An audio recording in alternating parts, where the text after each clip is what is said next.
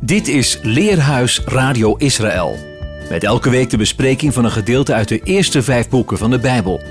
De presentator van deze week is Siebe de Vos.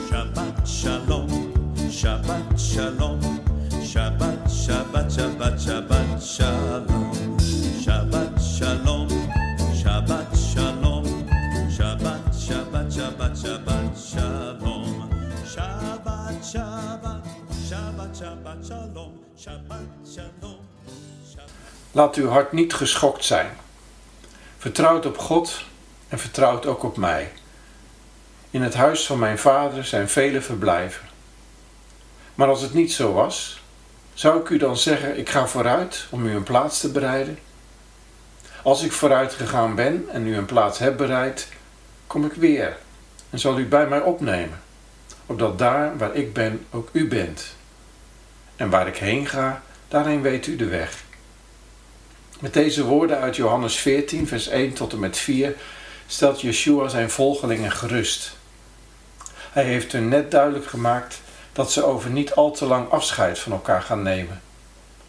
Verwarring en onzekerheid maakten zich van hun meester. Daarom vertelt hij dat hij in een andere hoedanigheid bij hem terug zal komen. De geest van de waarheid, die de wereld niet kan ontvangen, want zij ziet hem niet en kent hem niet. Maar jullie kennen hem, want hij blijft bij jullie en zal in jullie zijn. Vers 17. Nog een korte tijd en de wereld ziet mij niet meer, maar jullie zien mij, want ik leef en jullie zullen leven. Op die dag zul je weten dat ik in mijn Vader ben en jullie in mij en ik in jullie. Vers 19 en 20.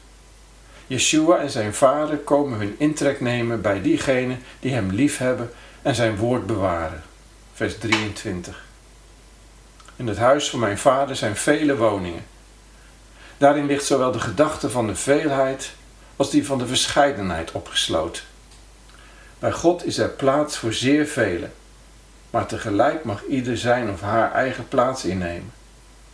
De vele verblijven, monai in het Grieks, zijn de vele verblijfplaatsen in het huis van God.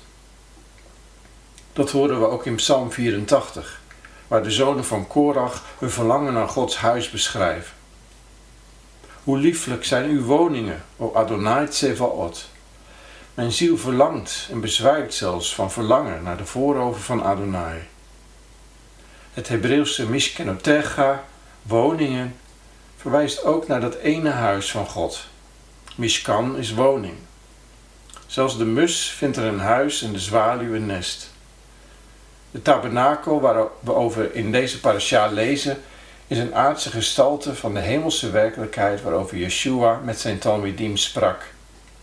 Dezelfde hemelse werkelijkheid die Mozes daar op de berg Sinaï binnenging. En waarin hij veertig dagen en nachten kon verblijven zonder eten of drinken. De Torahlezing van deze week is uit Exodus 25, vers 1 tot en met 27, vers 19. Vanaf de top van de Sinaï geeft God zijn verlangen te kennen om in het midden van zijn volk te wonen. Mozes moet een inzameling houden van kostbare metalen en stoffen, edelstenen, kruiden, hout en huiden. God zegt: Laat zijn heiligdom bouwen, zodat ik in het midden kan wonen. Na wat je op de berg hebt gezien, zo moet je de miskan maken. Adonai beschrijft tot in detail welke onderdelen van de woning gemaakt moeten worden en wat hun afmetingen zijn. In een speciaal door een veelkleurig gordijn afgeschermde ruimte waarop cherubim moesten worden afgebeeld, kwam de verbondskist te staan, de troon van Adonai, men in het binnenste de twee stenen tafels met de verbondstekst. Op het verzoendeksel de gestalte van twee cherubim. Buiten de voorhang stond de tafel van brood van het aangezicht. Daar lagen voortdurend twaalf broden voor Gods tegenwoordigheid. Daartegenover stond de zevenarmige menorah, die met haar zeven lampen voor het licht in de tent moest zorgen. De binnenste tentkleden werden gemaakt van veelkleurig weefwerk met cherubim. Tien kleden moesten aan elkaar worden bevestigd als een vrouw aan haar zuster. Elf aan elkaar gehaakte kleden van geitenhaar kwamen daar overheen en daarover roodgeverfde ramsvellen en tagasvellen. Het zal koel en donker geweest zijn daarbinnen. Daarna worden de houten planken beschreven, overtrokken met goud op sokkels van zilver.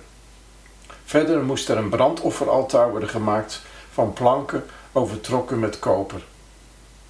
Daarvoor moest een voorhof worden afgeschermd met linnen gordijnen, pilaren op koperen sokkels en haken en dwarsstangen van zilver. De Mishkan moest een weergave zijn van het hemelse heiligdom. Alles moest naar dat voorbeeld gemaakt worden. Het Torah-gedeelte is Truma, wat vertaald wordt met hefoffer. Spreek tot de zonen Israëls dat ze voor mij een heffing zullen nemen. Van alle man wiens hart hem aandrijft, zul je deze heffing voor mij aannemen. De wortel van het woord truma is roem, dat opheffen betekent. Een offer dat omhoog geheven wordt.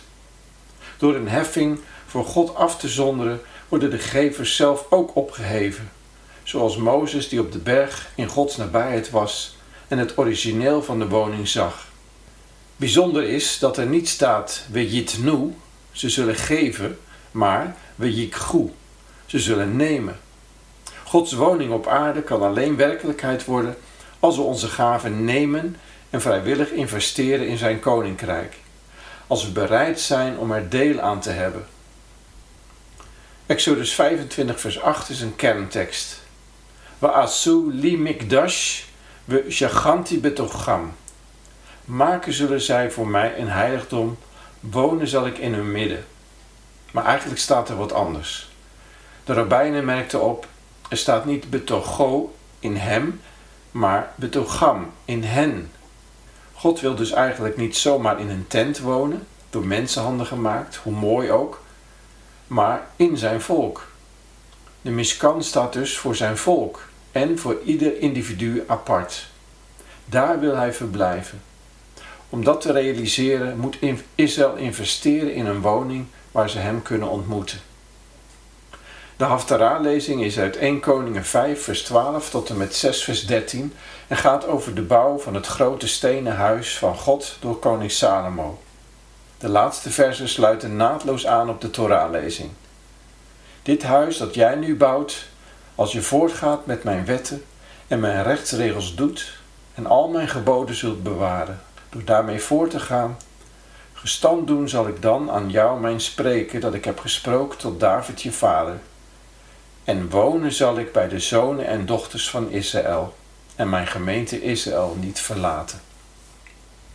De lezing uit de apostolische geschriften is uit 2 Korintiërs 9 vers 1 tot en met 15. Shaul, Paulus, roept de gemeenschap in Korinthe op om hun vrijwillige gaven gereed te leggen, die ongetwijfeld bedoeld zijn voor de moedergemeente in Jeruzalem. Want daartoe had Paulus zich verplicht. Zie Galaten 2 vers 10. Vanwege hun onbekrompen delen zou de Jeruzalemse gemeente hun verlangen naar deze gelovige heidenen uitspreken om de buitengewone genade die op hen rustte. Zie vers 13 en 14. De vergelijking zit hem in eerste instantie in de vrijwilligheid van de gaven, maar ook hoe Jood en gelovigen uit de volken eenheid kunnen beleven en als het ware één woning voor Adonai vormen.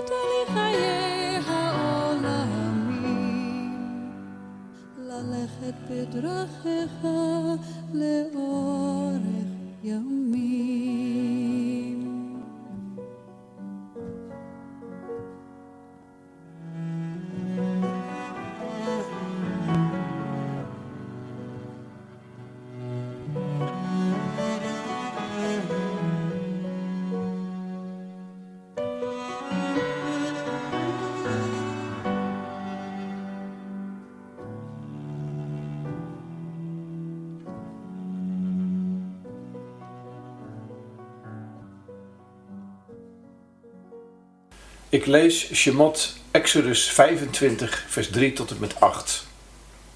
En dit is de heffing die je van hen zult aannemen: goud, zilver, koper, brons, azuurslak, purper, scharlaken, karmozijnworm, doek, geitenhaar, bloedrode ramsvellen, tagasvellen, acaciastammen, olijfolie voor de verlichting, balsems voor de zalvingsolie en voor de kruidenwierook, berilstenen en opvulstenen voor de efot en het borstschild.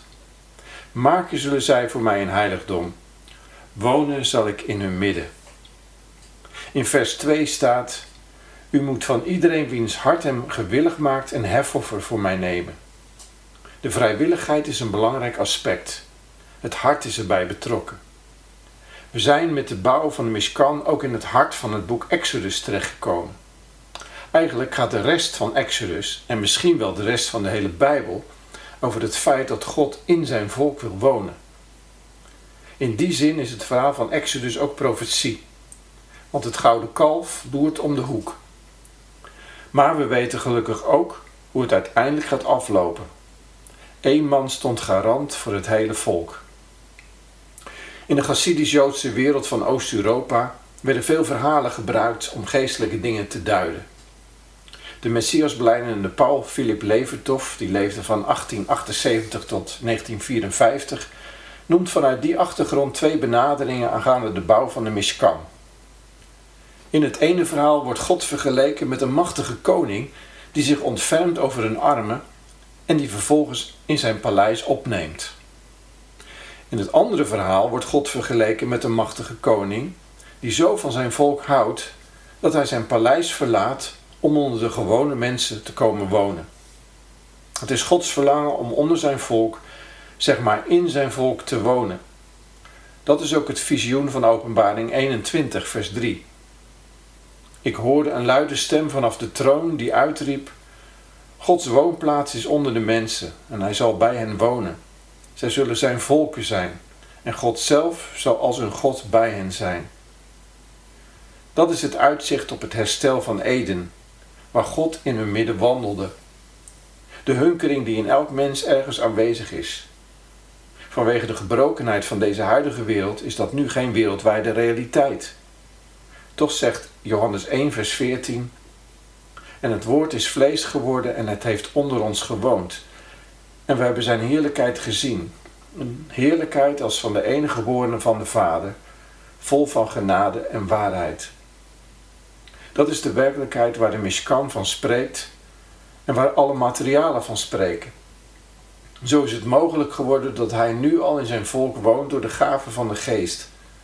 En zo noemt Shaul, Paulus, de gelovigen samen, maar ook elke volgeling van Yeshua apart, een tempel van de Heilige Geest.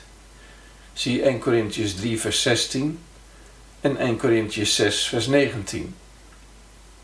Velen hebben zich afgevraagd hoe het mogelijk is dat een weggevlucht slavenvolk al die kostbare materialen bij elkaar kon brengen. Maar bij hun vertrek uit Egypte had God al voorzien in dat wat nodig was voor de bouw van de woning. In Exodus 12, vers 35 lezen we hoe de Israëlieten van de Egyptenaren zilver en gouden voorwerpen en kleren meekregen. Goud, zilver en koperbrons zijn edelmetalen die ontstaan door een zuiveringsproces wat met verhitting gepaard gaat. Het onzuivere moet eerst verwijderd worden voordat het bruikbaar is. Ga je in gedachten de tabernakel in, van buiten naar binnen, dan zie je eerst veel koper en zilver, maar daarna steeds meer goud.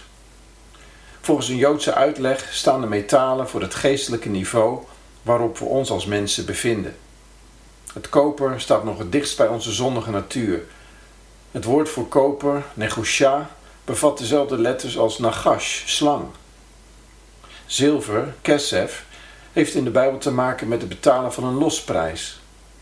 De houten panelen van de Mishkan stonden ook op sokkels van zilver. Het zilver spreekt ook van het verlangen naar God. Kasaf betekent verlangen. Goud, zahav, is het meest puur. In de Joodse traditie zijn dat diegenen die verdwaald en ontspoord waren, maar daarna tot omkeer zijn gekomen. Zo is er voor wie dat verlangt, Jood of Heiden, en waar je ook staat in het leven, een mogelijkheid om bij God thuis te komen. De tent werd gemaakt van getwijnd wit linnen en wol, veelkleurig weefwerk. Sheesh mashzor, fijn getwijnd wit linnen, was ook echt wit. Veel kleding was in die tijd grauw. De kleurstoffen die verder gebruikt werden, hemelsblauw, tegellet, purper, argaman en scharlakenrood, tolaat shani, waren uiterst kostbaar. Alleen de allerrijkste konden zich dat permitteren, zoals de koning. Hoe mooi is het dan om dan te lezen in de Hallelpsalm 113, vers 5 tot en met 8. Wie is als de ene, onze God, die zijn zetel zet in de hoge, die diep zich neerbuigt om te zien in de hemelen en op de aarde. Een geringe doet hij opstaan uit het stof, een arme verheft hij uit het slijk, doet hem zetelen met edelen, met de edelste van zijn gemeenschap. Yerushalayim descending, the city from the sky. Abraham's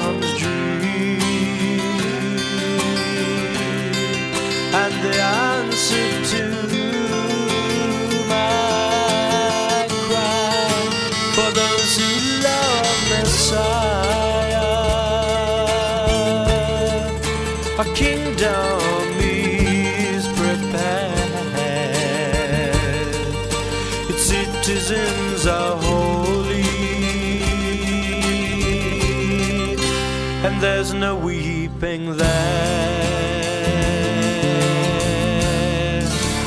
No more songs of sorrow. No more tales of woe. The pain of all the ages. We shall no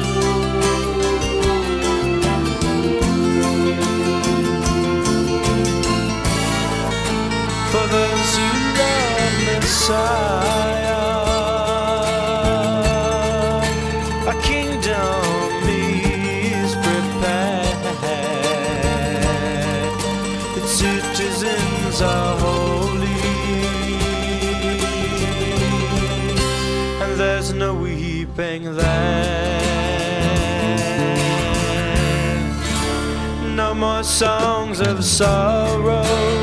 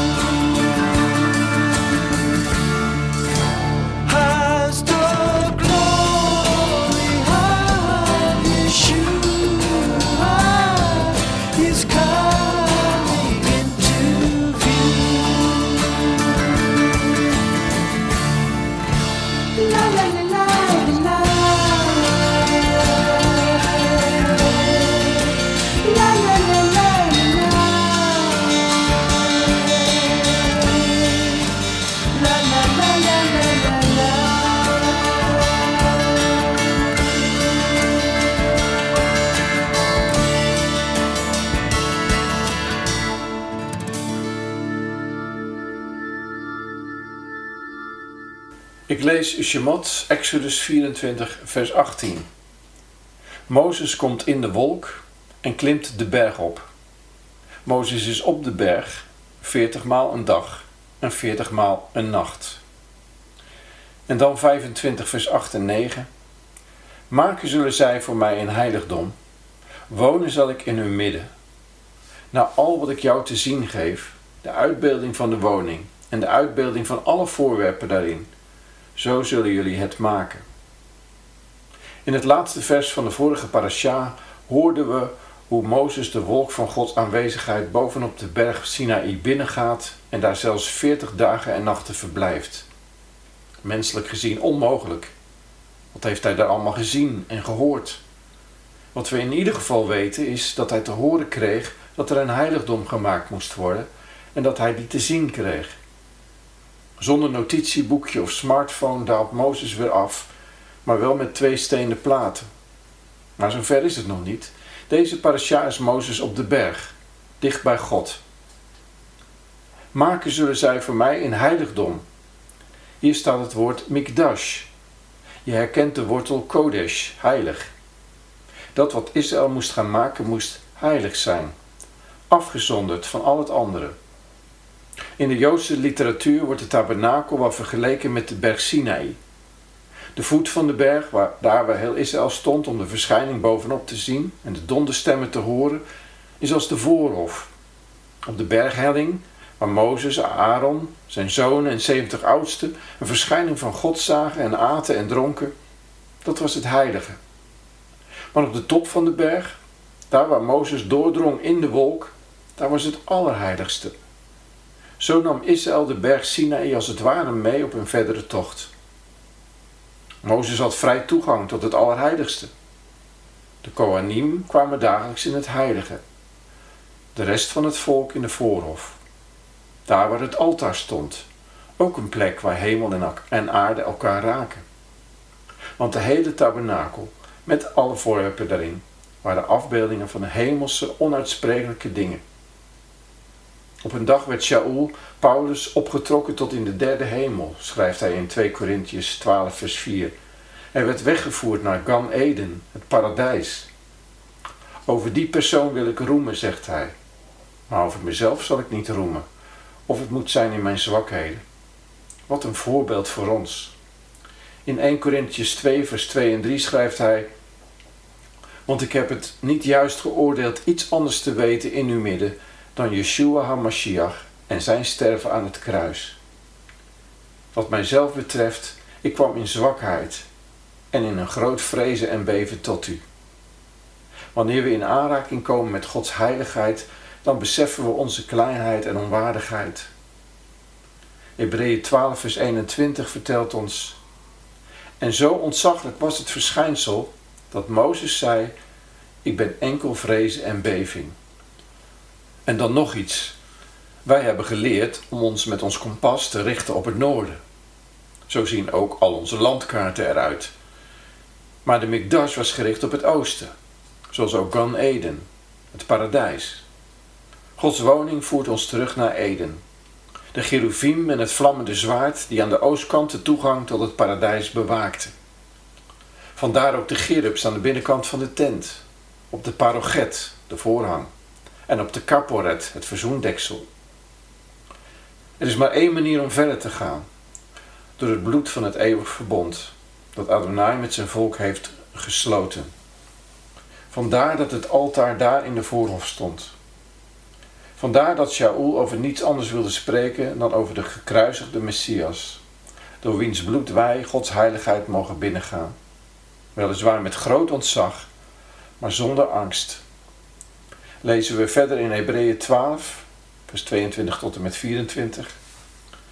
Nee, u bent gekomen tot de berg Sion en de stad van de levende God, het hemelse Jeruzalem, en tienduizenden engelen, tot een feestverzameling en vergadering van eerstgeborenen, die opgeschreven staan in de hemelen, tot God, rechter over allen, en tot de geesten van rechtvaardigen, die de voleinding hebben bereikt, en tot Yeshua, middelaar van een nieuw verbond, en tot bloed der besprenkeling, dat sterker spreekt dan dat van Abel.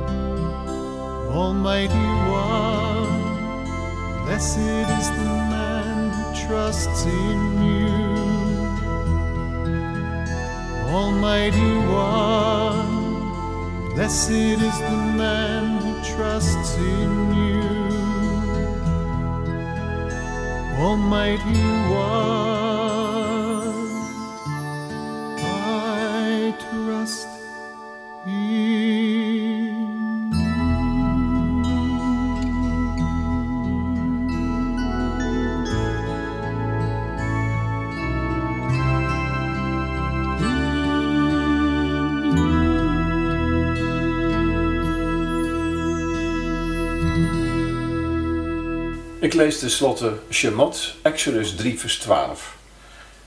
En dit is voor jou het teken dat ik je heb gezonden. Als je de gemeente hebt uitgeleid uit Egypte, zullen jullie God dienen op deze berg. In Exodus 3 ontmoet Mozes de Malach Adonai, de engel des Heren, uit het vuur van de doornstruik, bij de berg Horeb, dat is de Sinaï. Hij staat op heilige grond en moet zijn schoeisel uittrekken. Daar wordt hem te kennen gegeven dat hij deze berg opnieuw zal zien. Daar zal Israël God dienen. Mozes moest tegen Farao zeggen: Zend mijn volk heen om mij te dienen. Nu ze bij de berg gekomen zijn, de tien woorden hebben gehoord en de mishpatim, de rechtsregels van het koninkrijk, hebben ontvangen, is Mozes de berg opgegaan om de bouwplannen voor de woning te ontvangen en de stenen tafels, de getuigenis, mee naar beneden te nemen. Die zullen in het binnenste van de ark van het verbond gelegd worden en daarmee het hart vormen. Het is bijzonder dat aan de schepping van hemel en aarde maar één hoofdstuk in Genesis wordt gewijd, maar aan het bouwen van de Mishkan zowat een half Bijbelboek. En het is geen droge opsomming van voorwerpen en maten, maar alles wordt in prachtige poëtische woorden bezongen, als in een lied. Het heeft Gods hart. De Mishkan staat eigenlijk centraal in de hele Bijbel. Ook wij mogen Hem leren dienen naar lichaam, voorhof, ziel, heilige en geest, heilige der heiligen, en Hem aanbidden. Maar wat is God dienen en aanbidden? Yeshua zegt tegen de Samaritaanse vrouw in Johannes 4, vers 23 en 24: Maar de tijd komt en is nu dat de ware aanbidders de Vader zullen aanbidden in geest en waarheid. Want de Vader zoekt wie hem zo aanbidden. God is geest. En wie hem aanbidden, moet hem aanbidden in geest en waarheid. Voor aanbidden worden in de Bijbel twee woorden gebruikt. Ten eerste mishtagaveh, je neerbuigen, je klein maken voor God. En ten tweede avad, dienen, dienstwerk doen. Adonai had tegen Mozes gezegd, dit zal voor jou het teken zijn. Je zult God dienen op deze berg. Er staat ta'afdoen, een vervoeging van avad, dienen. Avoda is dienst. Vaak gaat het er in onze kringen om of wij wel een fantastische tijd met de Heer hebben. Dat heet dan aanbidding. Je wordt aangeraakt door God. Je ervaart zijn liefde. En dat hebben we zeker ook nodig. Een kus van de hemel. Een bovennatuurlijke aanraking van de heilige van Israël. Ontzagwekkend. Hij wil bij ons mensen wonen. Maar daarna moeten we een leven lang leren om een waarachtige aanbidder te worden. Een dienaar. Het Hebreeuwse woord evet betekent dienaar, maar ook slaaf.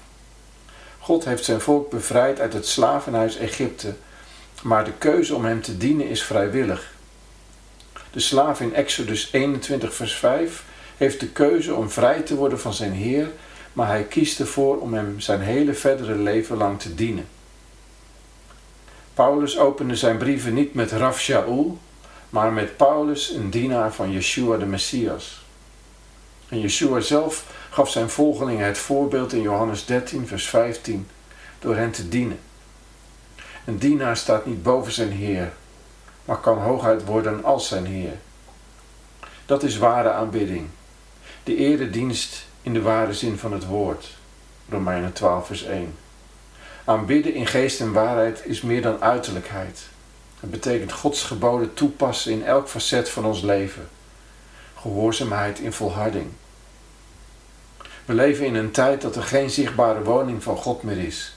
En toch mogen we met geestelijke ogen zien. Yeshua bidt in Johannes 17 voor al zijn volgelingen die zijn woorden gehoorzamen en hem in volharding dienen. En ik heb hun de heerlijkheid gegeven die u mij gegeven hebt, opdat zij één zijn, zoals wij één zijn. Ik in hen en u in mij, opdat zij volmaakt één zijn. En opdat de wereld erkent dat u mij gezonden hebt en hen liefgehad hebt, zoals u mij hebt liefgehad.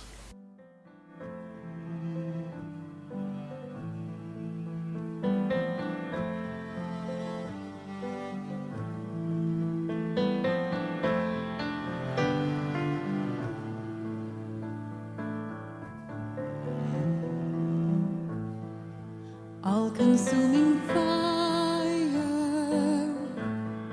You're my heart's desire,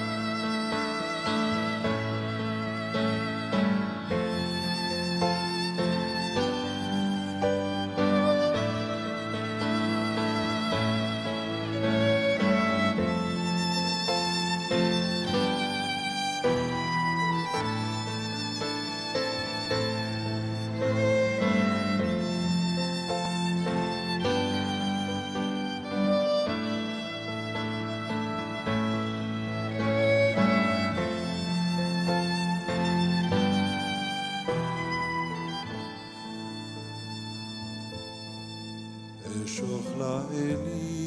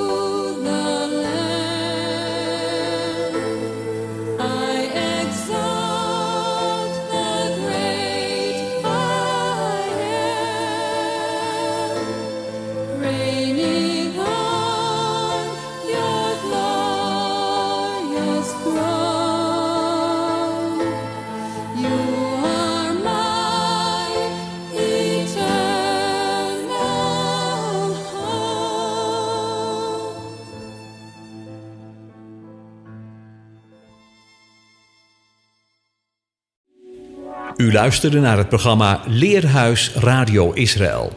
Een wekelijkse studie aan de hand van de Bijbelgedeelten die wekelijks door de Joodse gemeenschap worden gelezen. Heeft u een vraag of opmerking?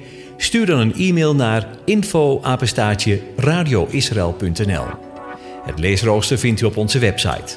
Ga naar radioisrael.nl en klik onder het kopje radio op programma's.